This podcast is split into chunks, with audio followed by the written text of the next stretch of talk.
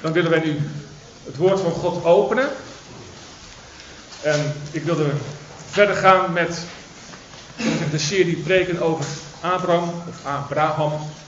En wij zijn aangekomen bij hoofdstuk 15. Hoofdstuk 15. En ik wilde dat in zijn geheel met u lezen.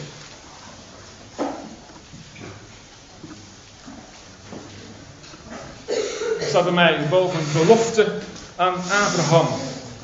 Of beloften aan Abraham.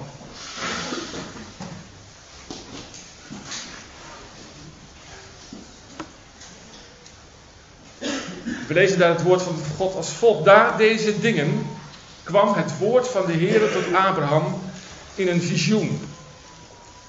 Wees niet bevreesd, Abraham. Ik ben voor u een schild. Uw loon zeer groot. Toen zei Abraham: Heere, Heere, wat zult u mij dan geven? Aangezien ik kinderloos heen ga en de bezitter van mijn huis, deze Eliezer uit Damascus, zal zijn. Verder zei Abraham: Zie, mij hebt u geen nageslacht gegeven. En zie, iemand die in mijn huis geboren is, zal mijn erfgenaam zijn. Maar zie, het woord van de Heer kwam tot hem, tot Abraham. Deze man zal uw erfgenaam niet zijn. Maar iemand die uit uw eigen lichaam voortkomt, die zal uw erfgenaam zijn. En toen leidde hem naar buiten en zei: Kijk toch naar de hemel en tel de sterren als u ze kunt tellen. En hij zei tegen hem: Zo talrijk zal uw nageslacht zijn. En hij, Abraham, geloofde in de Heer. En die rekende hem dat tot gerechtigheid.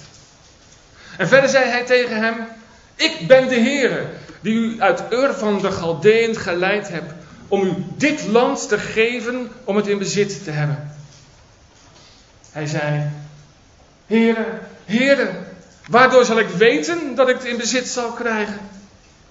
En hij, de Heere, zei tegen hem: Haal voor mij een driejarige jonge koe, een driejarige geit, een driejarige ram, een tortelduif en een jonge duif. En hij haalde al deze dieren voor hem, deelde ze door midden en legde de stukken tegenover elkaar. De vogels deelde hij echter niet. En er kwamen roofvogels op de kadavers af, maar Abraham joeg die weg. En het gebeurde toen de zon bijna onderging dat er een diepe slaap op Abraham viel. En zie, een grote, schrikwekkende duisternis viel op hem. Toen zei God tegen Abraham: Weet wel dat uw nakomelingen zullen, vreemdelingen zullen zijn in een land dat niet van hen is. Ze zullen hen dienen en men zal hen 400 jaar onderdrukken. Maar ook zal ik over het volk dat zij zullen dienen recht spreken. En daarna zullen zij met veel bezittingen wegtrekken. Maar u, u zult in vrede tot uw vaderen heen gaan. U zult in goede ouderdom begraven worden. De vierde generatie zal hier terugkeren, want de maat van de ongerechtigheid van de Amorieten is tot nu toe niet vol. En het gebeurde dat de zon onderging en het donker werd. En zie, er was een rokende oven en een brandende fakkel die tussen die stukken doorging. Op die dag sloot de Heer een verbond met Abraham en zei: Aan uw nageslacht heb ik dit land gegeven, van de rivier van Egypte af tot aan de grote rivier, de rivier de Eufraat. De Kenieten, de Kenezieten, de Katmonieten, de Hethieten, de Ferezieten, de Refaïten, de Amorieten, de Kanieten, de Gerkasieten en de Jebusieten. Tot zover het woord van God.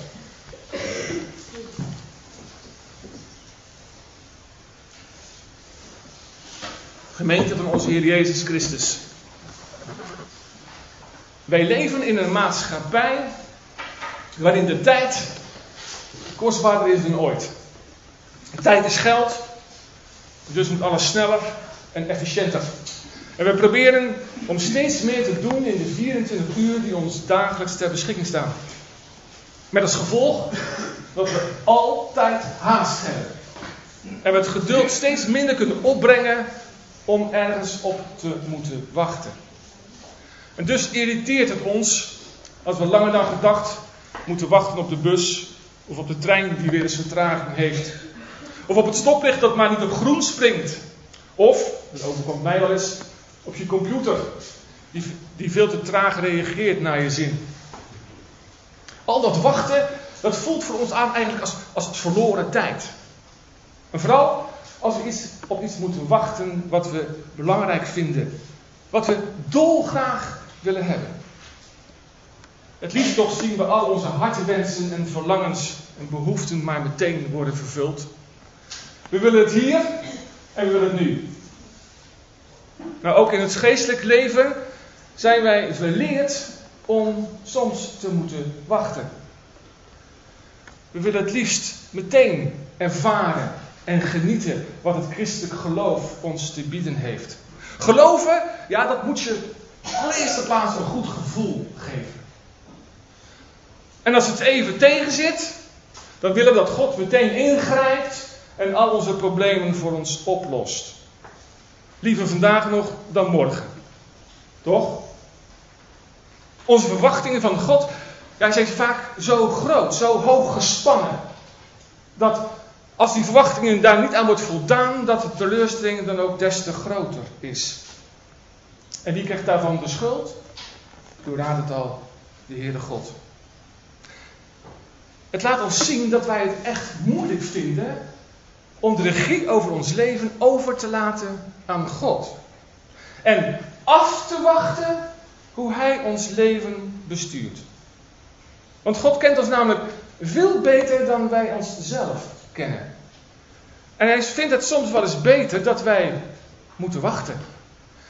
Want dat is hoe dan ook beter voor ons.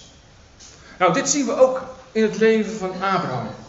Abraham was een mens zoals wij. Abraham had hooggespannen verwachtingen van God. We hebben het al net gehoord van Gerbert. God had hem toch immers geroepen uit Ur der En God had hem naar het beloofde land geleid. En God had hem een drie- of viervoudige belofte gegeven. Een belofte van een groot land, van een groot nageslacht en een belofte van zegen voor hemzelf, maar ook voor heel de mensheid. En eenmaal in Canaan was God zelfs verschenen aan Abraham.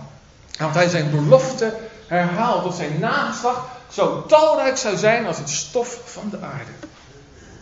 Zo was God met Abraham geweest. Zelfs toen hij naar Egypte was gegaan en daar zijn vrouw Sari voor zijn zus had laten doorgaan en daarmee zijn ongeloof had getoond, had God hem niet alleen gelaten. God had hem uit de gevolgen daarvan gered. De gevolgen dat zijn vrouw was afgenomen van hem. En God had hem rijkelijk gezegend met geschenken van de farao. En was het niet God die Abraham in staat stelde om een overwinning te behalen op die vier koningen uit het oosten. En zo zijn neef Lot, familie en de bewoners van de Jordaanvlakte te bevrijden. En was het niet Abraham die door geloof in Gods belofte de beloning van de koning van Sodom had afgewezen. Opdat die niet zou kunnen zeggen, ik heb Abraham rijk gemaakt.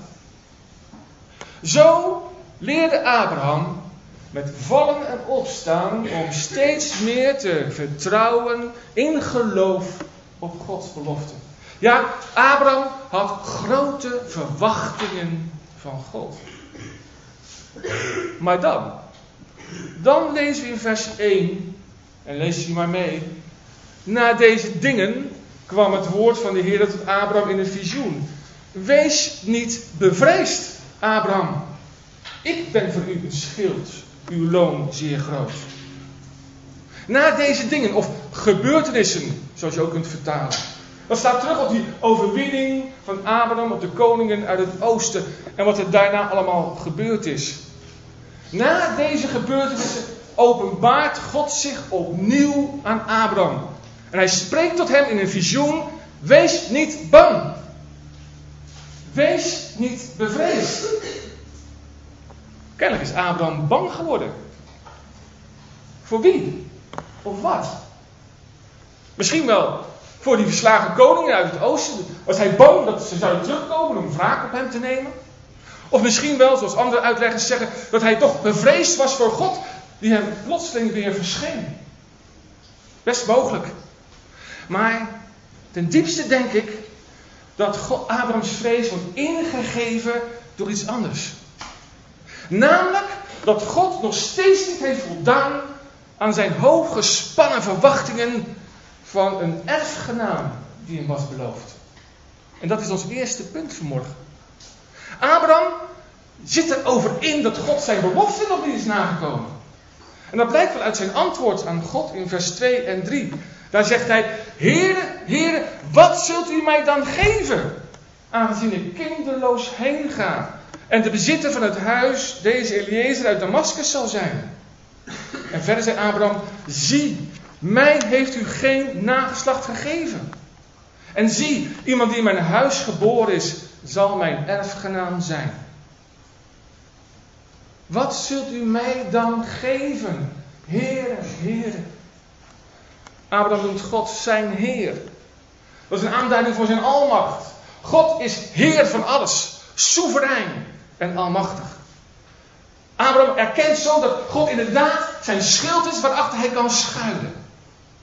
Maar tegelijkertijd vraagt hij zich af: wat voor zin het heeft dat God hem een groot loon belooft, als hij niemand heeft aan wie hij alles kan nalaten.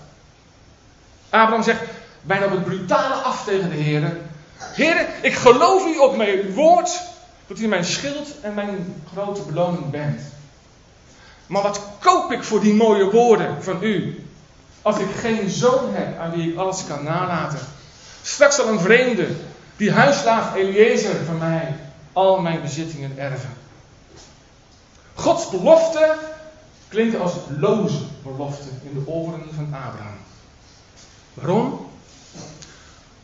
Omdat zijn alledaagse werkelijkheid zo anders was dan hij had verwacht. Ja, God mag dan wel een groot nageslacht hebben beloofd. Maar de harde realiteit is dat Abraham nog steeds kinderloos is en kinderloos zal sterven. Ja, Abraham is onzeker of God wel zijn woord zal nakomen. Hij wacht immers al, zoals gehoord hebben van Gerben, tien jaar op de vervulling van Gods belofte. En er is nog steeds niets concreets van te zien. Niet van een land dat hem was toegezegd. En niet van ontelbare nakomelingen die hem waren beloofd. Abraham had er op dat moment notabene nog niet eens één. En zonder nageslacht, dacht Abraham, wordt de familielijn niet voortgezet. En de tijd gaat dringen, want Abraham is al 85 jaar en Sarah is 75 jaar. En bovendien is ze ook nog onvruchtbaar. Dat alles maakt het wachten voor Abraham extra moeilijk. Kunnen we ons indenken dat Abraham zich ongerust maakte? En begon te twijfelen aan Gods belofte? Als de werkelijkheid zo heel anders is dan je had voorgesteld? Als je hooggespannen verwachtingen maar niet worden bewaarheid? Ik stel me zo voor dat er allerlei vragen in zijn hoofd zijn opgekomen. Vragen zo van, waarom is de baarmoeder van Sarai nog steeds gesloten? Is God soms van gedachten veranderd? Worden Gods beloften dan toch niet vervuld? Komt er van uitstel dan toch misschien afstel? Echtparen die nog kinderloos zijn, en we hebben ze ook in onze gemeente, kunnen dit heel goed invoelen. Het is immers een groot verdriet om graag kinderen te willen ontvangen, maar ze niet hebben gekregen. Zelfs moderne medische hulpmiddelen bieden daarop geen garantie. Soms moeten echtparen jarenlang wachten op het krijgen van kinderen.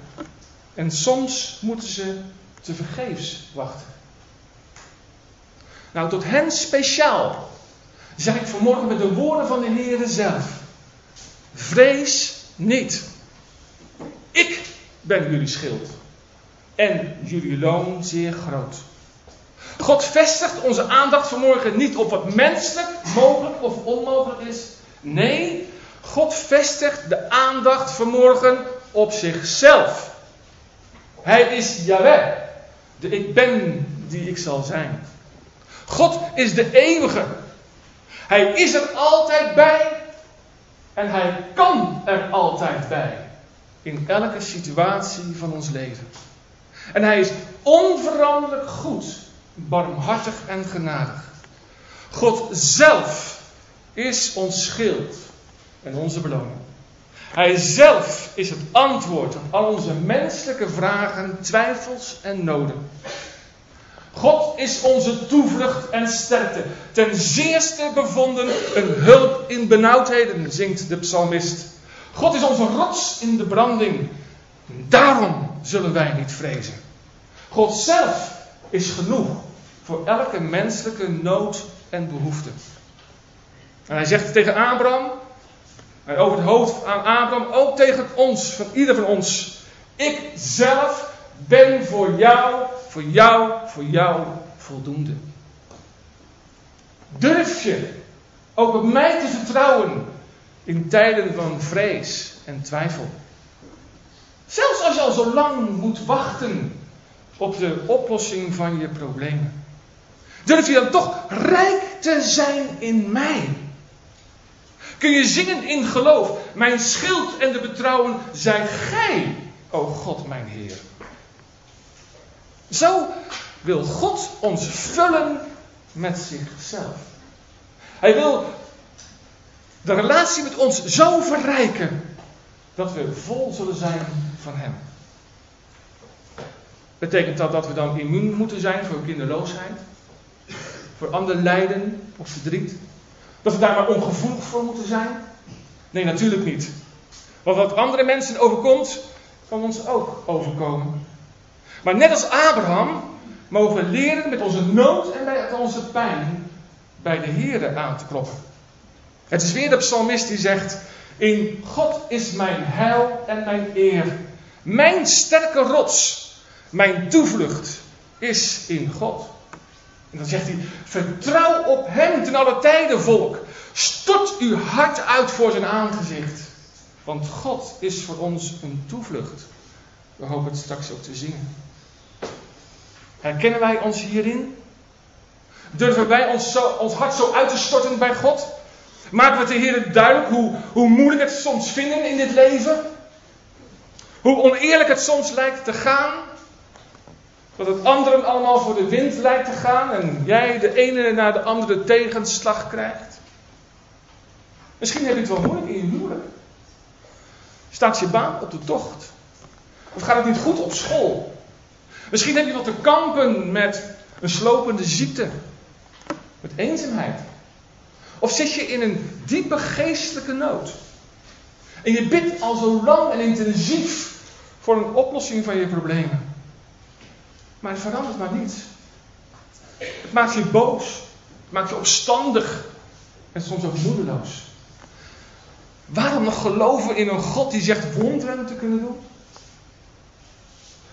Abraham laat ons vanmorgen zien dat we deze gevoelens niet hoeven op te kroppen. Ja, dat we onze vrees, frustratie, onbegrip, ja zelfs onze boosheid, opstandigheid en moedeloosheid vrijelijk mogen uitspreken tegen God. Want Hij kent ons hart toch als geen ander. Dus we hoeven ons beslist niet mooier voor te doen dan we ons daadwerkelijk voelen. De Heere kent ons. Hij ziet onze vrees, onze twijfel, onze zwakheid van geloof. Hij kent ook al onze moeite en onze vragen. En hij is blij dat we daarmee juist bij Hem komen. Want Hij heeft liever dat we vrijmoedig al onze sombere en bittere gevoelens in gebed voor Hem blootleggen, dan dat we vervallen in doffe berusting en onverschilligheid. Hij ziet liever dat wij eerlijk ons zwakke geloof aan Hem beleiden. Dat we ons uiterlijk voordoen als geestelijke krachtpassers die diep van binnen eigenlijk onzeker en moedeloos zijn. Weet u, het maakt voor God namelijk een groot verschil of je bij Hem klaagt uit zwakheid van geloof of uit puur ongeloof. Juist omdat wij zo vaak zwak zijn, wil God ons moed inspreken. God is ons schild Hij zal ons beschermen. En God is ook ons loon. Hij zal ons nooit met lege handen laten staan. Nee, niet dat God altijd de wensen van ons hart vervult. Zo moeten we deze woorden niet opvatten. Nee, hij wil alleen maar benadrukken dat hij zelf het antwoord is op al onze noden en vragen. In al onze moeite, twijfels en vrees mogen we ons toch rijk rekenen. Ja, we zijn de koning te rijk, omdat de Heere God aan onze kant hebben.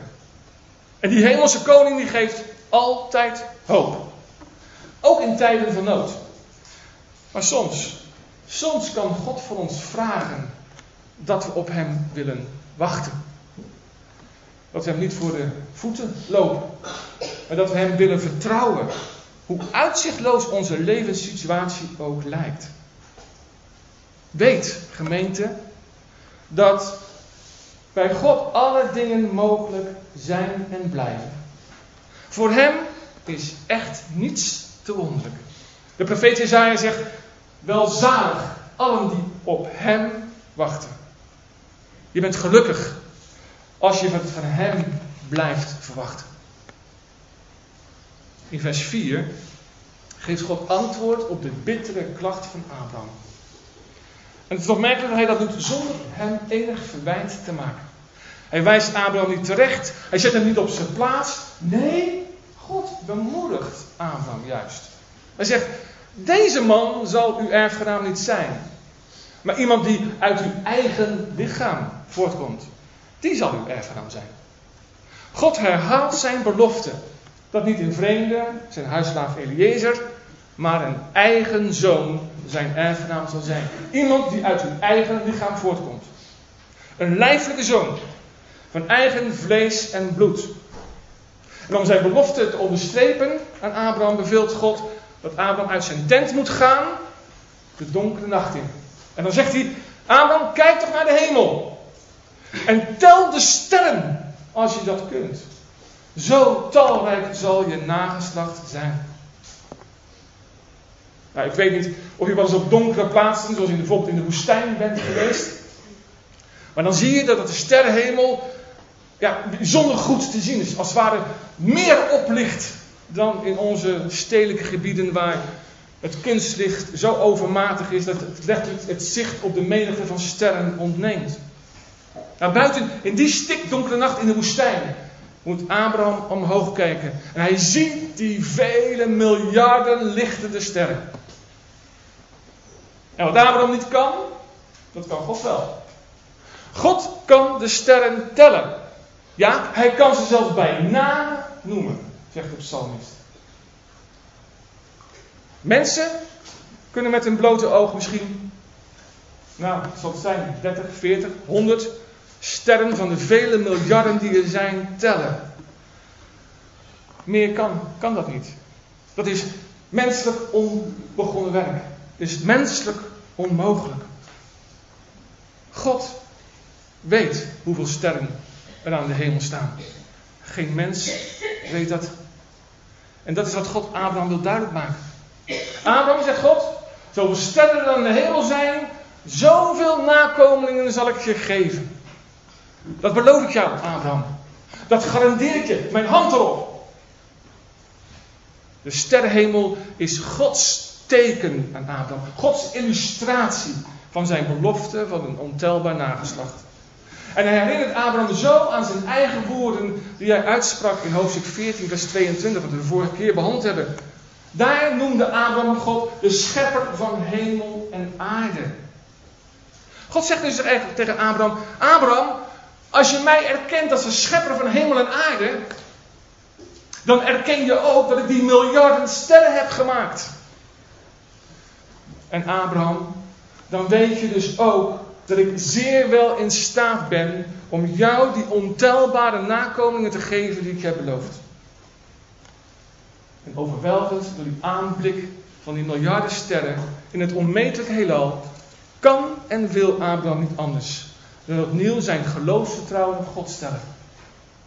En dat staat er in vers 6. En Abraham geloofde in de Heer. En die rekende hem dat tot gerechtigheid. Er is een cruciaal vers in dit hoofdstuk. En in het sleutelvers staan drie belangrijke woorden. Geloofde, rekende en gerechtigheid. Eerst dat werkwoord geloofden, geloven. Abraham geloofde in de Heer, staat er. In de grondtekst staat er een woord waar ons woord amen van is afgeleid. Amen betekent het is vast en zeker. Je kunt er ten volle van op aan. Je kan er met je volle gewicht op gaan staan. God beloofde en Abraham geloofde. Die zei amen op. God beloofde een ontelbaar nageslacht in Abraham en Abraham beaamde dat. hoe deed hij dat? Met geloof. Hij geloofde God onvoorwaardelijk. Ook al ging het dat misschien op dat moment tegen zijn eigen gevoel en ervaring in. Abraham geloofde dat God zijn belofte gestand zou doen. Ondanks al zijn mitsen en maren, ondanks alle menselijke onmogelijkheden. Dan als tweede dat werkwoord rekenen of toerekenen. Abraham geloofde in Gods belofte. En dus rekende Abraham, God Abraham dat tot gerechtigheid. Hij rekende het geloof van Abraham tot een daad die hem rechtvaardig maakte. Toerekenen, dat is eigenlijk een uitdrukking uit de bankwereld. Het gaat dan om het bijschrijven van een bepaald geldbedrag op iemands banktegoed. Zoals geld door de bank wordt bijgeschreven op iemands bankrekening, zo schrijft God zijn gerechtigheid bij op de geloofsrekening van Abraham. Als een hemels goed. Op grond van zijn geloof in de belofte van God. Maar wat is dat dan, die ten derde gerechtigheid? Die God Abraham toerekent. Gerechtigheid, dat is de morele vermaaktheid die God van elk mens verlangt. Het is die zuivere hartsgesteldheid op grond waarvan wij het koninkrijk van God kunnen binnengaan. En God verlangt 100% gerechtigheid van elk mens. Geen procentje minder. En Gods gerechtigheid gaat dan ook veel verder dan de gerechtigheid van de mens. Gods gerechtigheid is zo volmaakt dat er geen mens is die van zichzelf kan zeggen: Ik kan Gods gerechtigheid verdienen. En daarom is het nodig dat God ons zijn gerechtigheid toerekent. Bijschrijft op ons hemels tegoed. Uit vrije genade. En wanneer doet God dat? Als wij doen wat Abraham deed. God vertrouwen, God geloven op zijn woord. Abraham geloofde God, vertrouwde op Gods woord. En daarom rekende God hem zijn gerechtigheid toe. Schreef zijn gerechtigheid bij op Abrahams hemelse bankrekening. Niet omdat Abraham zo'n perfect mens was. Bij lange na niet. U zult zich vast nog wel herinneren dat hij de afgoden diende in Ur de En hoe hij in Egypte zijn vrouw en God verlogend had. Nee, Abraham was bepaald geen krachtpatser in het geloof. Althans niet altijd. Maar stap voor stap leerde hij wel om af te zien van eigen mogelijkheden, onmogelijkheden. En te vertrouwen op Gods mogelijkheden. En weet u, zo ziet God graag dat mensen met hem omgaan. En daarom verklaarde God Abraham ook rechtvaardig. En verklaart hij elk mens rechtvaardig. Als hij bereid is om af te zien van eigen onmogelijkheden. En het van Gods mogelijkheden te verwachten. Abraham is hierin ons grote voorbeeld, ons rolmodel. Maar hoe zit dat met ons? Weet u, weet jij of je al rechtvaardig bent verklaard door God? Is je eeuwig behoud al gegarandeerd? Heb je al amen gezegd op de, e- Gods eeuwige belofte van verlossing van je zondeschuld op grond van geloof in de kruisdood van de Heer Jezus Christus? Wil je daarin op Gods woord vertrouwen? in Gods woord geloven? Zo ja, dan mag je zeker weten dat God zijn volmaakte gerechtigheid uit vrije genade heeft bijgeschreven op jouw hemelse bankrekening. Maar als je nou die bankrekening of geloofsrekening nog niet hebt, ja, dan moet ik zeggen, dan leef je nog voor eigen rekening en risico. En dan moet je beseffen dat zonder Gods gerechtigheid er een eeuwig oordeel op je wacht. Dat niet de hemel, maar de hel je eindbestemming zal zijn. En dat zeg ik niet, dat zegt God zelf. En is dat nu niet eeuwig zonde? Want immers, niemand hoeft toch die doodlopende weg op te gaan? Niemand hoeft toch verloren te gaan? God wil niets liever dan dat Hij zijn volmaakte gerechtigheid kan bijschrijven onder jouw naam op je hemelse bankrekening. Hij heeft geen behagen in de dood van de goddeloze, maar veel meer daarin dat de goddeloze zich bekeert en leeft. En het enige wat je daarvoor hoeft te doen, is God op zijn woord geloven. Dat zijn zoon Jezus Christus, plaatsvervangend voor onze zonde, gestorven is aan het kruis van Golgotha. En als wij de Heer Jezus Christus zo omarmen als onze persoonlijke redder en de Heer van ons leven, dan schrijft God zijn gerechtigheid onder jouw naam in zijn boek des levens. De bereinde Psalm 81, vers 12 zegt: Opent uw mond, eist van mij vrijmoedig op mijn trouwverbond. Al wat u ontbreekt, schenk ik zo het gij smeekt, mild en overvloedig. God doet echt wat hij belooft. Hij is in eerbied gesproken een man van zijn woord. En hij wil ons alles schenken wat ons ontbreekt. Wat we nodig hebben om voor hem te kunnen leven. Nou, na deze belofte en illustratie van zijn belofte van vele nakomelingen, herhaalt God ook zijn belofte van een land voor Abraham. Ons tweede punt. We lezen verder in vers 7 Verder zei God tegen Abraham: Ik ben de Heere die u uit Ur der Galdeën geleid hebt, om u dit land te geven, om het in bezit te hebben. God herinnert Abraham er opnieuw aan wat hij eerder heeft gezegd en heeft gedaan. Hij maakt Abraham er opnieuw bewust van dat hij hem heeft geleid uit Ur der Galdeën en naar het beloofde land heeft gebracht. En zo hij daarvoor heeft gezorgd, zo zal hij ook ervoor zorgen dat dit land van de belofte, Canaan, ook eens aan Abraham zal worden gegeven. Abraham zal het land Canaan erfelijk bezitten, zegt de Statenvertaling. En terecht. Want God, de schepper van hemel en aarde, is de rechtmatige eigenaar ook van het land Canaan. En dat land zal hij schenken aan zijn wettige erfgenaam Abraham. Na zijn belofte op grond van Abrahams geloof. Maar dan lezen we in vers 8 dat Abraham ook dat maar moeilijk kan bevatten. Hij zegt, heren, heren, waardoor zal ik het weten dat ik het in bezit zal krijgen? Ik zie u al denken. Hé, hey, Abraham, hoe zit het nu? Je hebt nog net je geloof beleden in Gods belofte van ontelbare nakomelingen. En even later wil je opnieuw harde bewijzen hebben van de Heer dat ook het beloofde land jouw eigendom wordt. Hoe zit dat nu? Hoe is dat nu mogelijk? Waarom klampt Abraham zich ook nu hierin niet vast aan de belofte van God? Waardoor zal ik het weten? vraagt Abraham.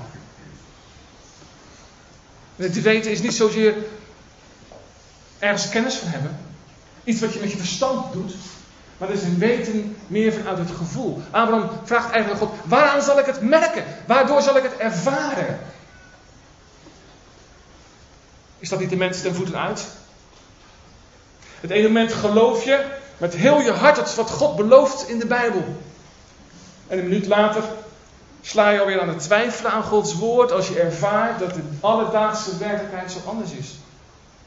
Ja, wij denken soms dat we heel sterk staan in onze geloofsschoenen. We hebben het gevoel dat we helemaal op de Heer vertrouwen. Maar vaak zit daar nog heel veel van onszelf bij. En weet u wanneer dat blijkt? Dat blijkt vooral als onze omstandigheden plotsklaps wijzigen. Als al onze hooggespannen verwachtingen van het leven niet worden bewaarheid. En de twijfel slaat dan toe.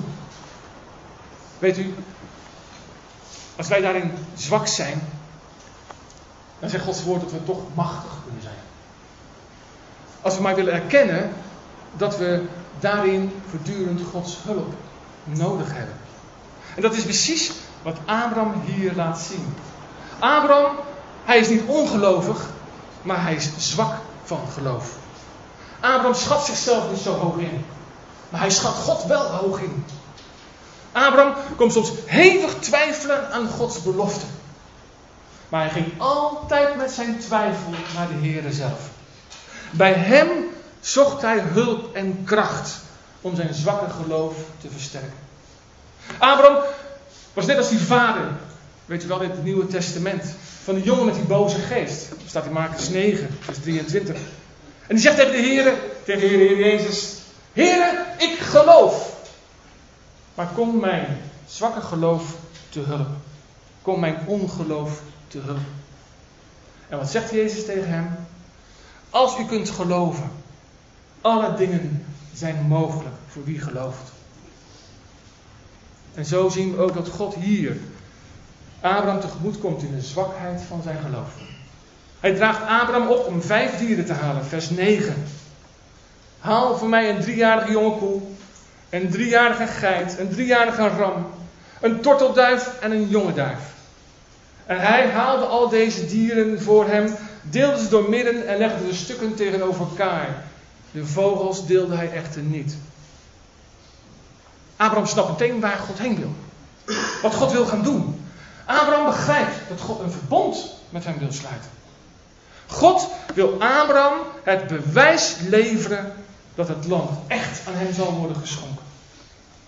Nou, in die tijd waren er nog geen schenkingsactes of eigendomsactes.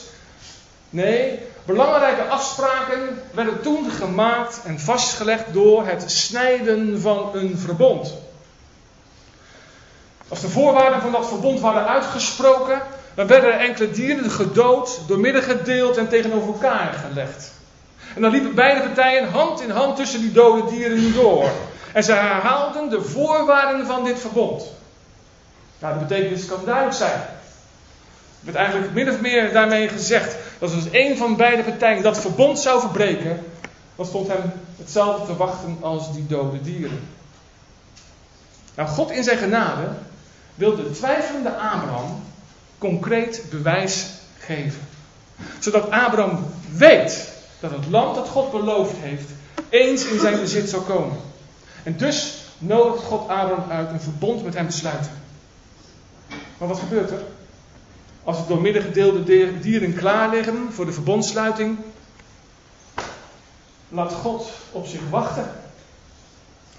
Zoals Abraham al zo vaak heeft moeten wachten. Zo moet hij ook nu wachten op God. Op zijn komst. Waar blijft hij nu? Wanneer zal hij eindelijk komen? De dode dieren die bloeden al langzaam leeg. Er komen ook uh, aasgieren op af. Abraham doet er alles aan om ze weg te jagen. Want zonder de dode dieren kan er geen verbond worden gesloten. En zonder verbond heeft Abraham niet dat concrete bewijs, die eigendomsakte, die schenkingsakte van het land. Maar aan het einde van de dag is God nog steeds niet verschenen. En vermoeid door het lange wachten en misschien wel door het wegjagen van de aasgieren, is Abraham in een diepe slaap gevallen. Of we zouden liever moeten zeggen dat God hem in een diepe slaap heeft gebracht. Dat weten we niet. Maar hoe het ook zij, Abraham krijgt een angstaanjagende droom of visioen.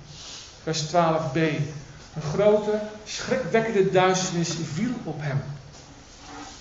In de duisternis van deze slaap, van deze diepe slaap, spreekt God tot Abraham.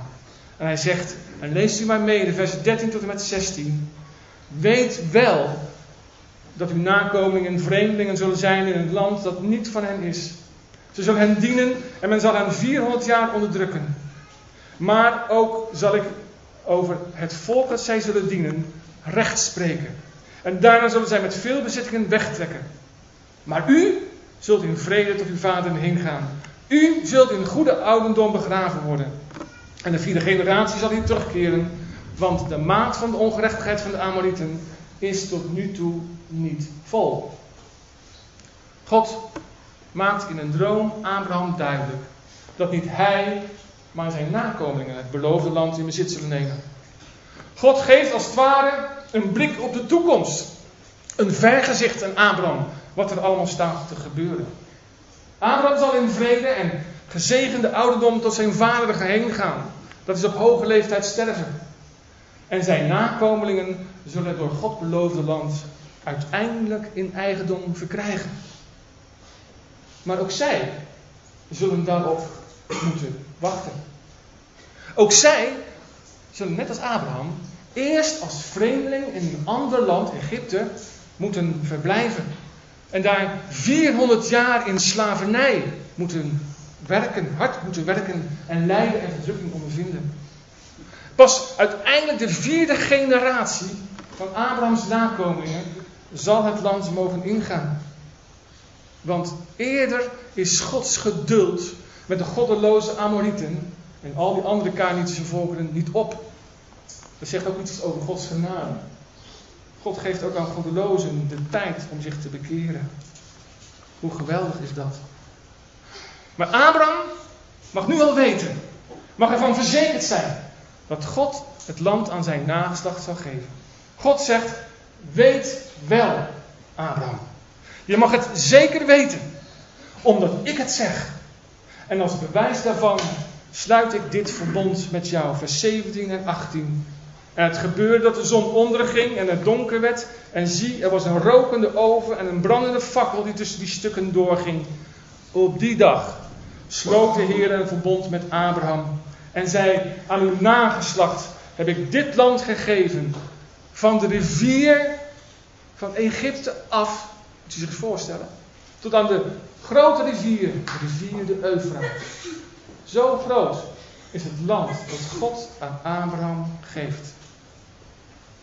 Nu is het opmerkelijk, en eigenlijk een beetje merkwaardig, dat God het verbond sluit met Abraham, maar dat niet twee partijen tussen de dode dieren heen gaan, zoals gebruikt was. Nee, Abraham hoeft er niet tussendoor te gaan. Sterker nog, Abraham slaagt op dat moment. Hij kan dus niks beloven, zich nergens aan verplichten of verbinden. Handhaving van het verbond zal niet van Abraham afhankelijk zijn. Nee, God alleen gaat tussen de dode dieren door. Zo schenkt God het verbond aan Abraham. En zo zal hij ook het land aan Abraham schenken. God alleen is daarvoor verantwoordelijk. God alleen verbindt zich plechtig, legt zich vast voor altijd. En zo beantwoordt de Heer de vraag van Abraham: Waaraan zal ik het weten dat ik het bezitten zal? Nou, God zet het zwart op wit. Abraham mag het zeker weten. Er zeker van zijn dat God echt doet wat hij belooft. God alleen stelt zich daarvoor garant. En God is volkomen betrouwbaar in alles wat hij zegt en wat hij doet. Nou, dit verbond, deze schenkingsakte van God aan Abraham, heeft later ook een grote vervulling gevonden in het genadeverbond in Christus bloed. Want is dit niet het evangelie dat God ook ons een hemels vaderland heeft beloofd? Dat ook God ons een eeuwig leven met Hem schenkt in Jezus Christus? God heeft dat vastgelegd in een schenkingsakte, ondertekend met zijn eigen bloed. Want zoals hij destijds bij Abraham alleen tussen de dode dieren heen ging, zo ging hij in Christus ook alleen de dood in aan het kruis van Golgotha. Plaatsvervangend voor ons. Broeders en zusters, waaraan zullen wij weten dat wij een hemels vaderhuis hebben? Waaraan zullen wij weten dat we eeuwig leven hebben? Nou, kijk naar Gods schenkingsakte in Christus. En als wij die schenkingsakte in geloof aanvaarden, dan zijn we met elkaar geestelijke nakomelingen van Abraham, die door geloof en geduld Gods belofte heeft verkregen. geloof en geduld. Die komt tot de toepassing. De Heer weet hoe moeilijk wij dat soms vinden. Geloof en geduld kunnen wij zo moeilijk opbrengen. En veel liever willen wij toch iets direct merken en ervaren. Meteen iets in handen hebben, al is het maar een begin. En we willen begrijpen waarom God iets doet en waarom het zo lang soms duurt. We willen de zin van ons wachten inzien. Waarom doet God niet meteen wat hij belooft? Waarom beantwoordt God onze gebeden niet meteen? Wel, ik denk dat God ons daarmee drie dingen wil leren. In de eerste plaats dat wij durven te geloven dat God altijd te vertrouwen is. Ook al begrijpen we soms niet wat ons overkomt. God is volmaakt goed.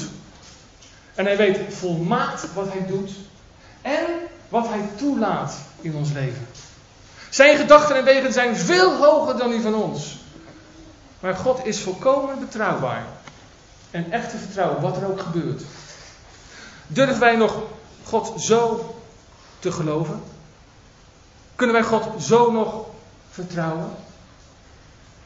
Jacqueline van der Waals heeft dat eens mooi verwoord in haar tweede couplet van het lied Wat de toekomst brengen mogen. Dat couplet luidt: Heer, ik wil uw liefde loven. Al begrijpt mijn ziel u niet.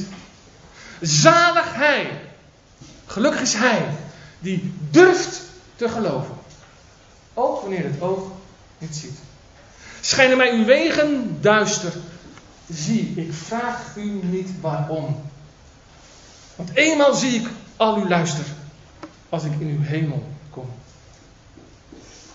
Het tweede wat God ons wil leren is om te volharden in het geloof. Juist omdat de Heer betrouwbaar is, kunnen we van Hem op aan. Wachten wordt dan steeds meer verwachten. De Hebreeën schrijver besteedt aan Abraham meer aandacht dan welke oud-testamentische gelovigen ook. Waarom? Omdat juist Abraham heeft geleerd om te wachten en te verwachten. Abraham, het is al gezegd, was 75 jaar oud toen God hem nakomelingen beloofde. En hij was 100 jaar toen Isaac uiteindelijk geboren werd. Liefst 25 jaar moest, liet God hem wachten op de vervulling van zijn belofte van een zoon. Maar ondanks die lange wachttijd verflauwde het geloof van Abraham niet. Omdat Abraham had geleerd dat wachten vooral verwachten is. Abraham vertrouwde God op zijn woord. Hij geloofde dat God niet liegen kan en doet wat hij belooft. Nou, zo mogen ook wij leren om te volharden in geloof. Ons geloof te versterken, sterker te maken. Door ongeacht onze omstandigheden te blijven vertrouwen op God. Wat zegt u nou zelf? Geloof wordt er toch niet sterker van als wij onmiddellijk zouden ontvangen waar wij om? Ik denk het niet. Ik denk dat ons geloof daardoor alleen maar oppervlakkiger wordt. Dat God dan een soort automaat wordt. U vraagt en wij draaien. Nee, geloof groeit pas tegen de verdrukking in. Vooral als we het moeilijk hebben, dan kunnen we ons meer en meer bewust zijn en worden van onze eigen kwetsbaarheid en afhankelijkheid. En hoezeer wij God in alles nodig hebben. Geloof vertrouwt dus niet op menselijke overwegingen en redeneringen en bedenkingen, maar geeft zich volledig over aan Gods raad, wil en timing. Ook als we soms lang moeten wachten op de verhoring van ons gebed. Maar is dat nu juist niet de zaak waar het bij ons zo vaak op vastloopt? Want als onze wensen niet tijdig genoeg worden vervuld, ja, dan, dan slaan wij aan het twijfelen aan God. Dan vragen we ons af of God alles nog wel onder controle heeft. Of hij niet ergens onderweg een afslag heeft gemist. We bidden immers al zo lang voor het behoud van degenen die ons dierbaar zijn. Of voor de vervulling van die stille kinderwens. En er gebeurt maar niets. Laten we dan niet vergeten dat Gods wil en tijdsplanning lang niet altijd overeenkomen met die van ons. Ja, we gaan daar vaak, vaak aan voorbij. Omdat we denken dat alles wel op onze tijd maakbaar is. God echter heeft nooit haast. Hij doet alles op zijn tijd. En naar de raad van zijn wil. Nogmaals de vraag, durven wij God daarin te vertrouwen? Als hij werkt naar de raad van zijn wil, op zijn tijd? Durven wij in geloof te gaan wachten op wat God zal gaan doen? Niet passief, maar actief. Hoe? Nou, gewoon door elke dag te doen wat God van ons vraagt. Zonder te klagen. Of zonder hem te willen manipuleren. En verwachtingsvol af te wachten. Of en zo ja. Wanneer hij de wensen van ons hart wil vervullen. Opdat God in alles het laatste woord zal mogen hebben. En daaruit leren we het derde en het laatste wat God ons wil leren. Namelijk dat in alle omstandigheden van het leven Hij alle eer wil ontvangen. En opnieuw is het Abraham die ons laat zien hoe je dat mag doen. In Romeinen 4, vers 20 tot met 22 staat over Abraham geschreven. En hij, Abraham, heeft aan de belofte van God niet getwijfeld door ongeloof. Maar hij werd versterkt in het geloof. Hoe? Terwijl hij God de eer gaf. Hij was ervan te volle overtuigd dat God ook machtig was te doen wat, hij, wat beloofd was. En daarom ook is het hem tot gerechtigheid gerekend. God wacht soms met het vervullen van onze verlangens. Omdat wij onze eigen machteloosheid beseffen. En hem des te meer zullen verheerlijken. Als hij op zijn tijd en naar de raad van zijn wil handelt. Want weet u, God wil ten diepste dat onze vrees voor de omstandigheden plaats maakt voor de vrezen des Heeren. Voor de oprechte vrees, eerbied, respect voor God zelf. Want Hij is het antwoord op al onze vragen en noden. Hij alleen heeft het antwoord op al onze vrees en op alle crisissen in ons leven. God is goed. God is genoegzaam. Voldoende. Voor iedereen. Hij is alles wat wij nodig hebben om het leven aan te kunnen. Hij is ons schild waarachter we mogen schuilen. Hij is onze bescherming, onze kracht, onze hoop en onze hulp voor de toekomst. En weet u, als je zo in het leven mag gaan staan, dan zal je loon groot zijn. Want, wat geeft nou meer rijkdom? Dat je God zo mag gaan leren kennen als hij echt is. Oneindig goed, barmhartig, genadig en volkomen betrouwbaar. Velen van u kennen misschien wel Hudson Taylor. De man die de zendingsorganisatie China Inland Mission oprichtte. Nou, deze Hudson Taylor was in China en maakte toen ook de bokseropstand mee. Dat was die opstand van de Chinezen tegen de keizer en de buitenlanders. En bij die opstand werden ook vele zendelingen gevangen genomen en gedood. En dit alles greep Hudson Taylor zo aan dat hij in een diepe geestelijke crisis kwam. Hij schrijft: Ik kon niet meer lezen. Ik kon niet meer denken of bidden.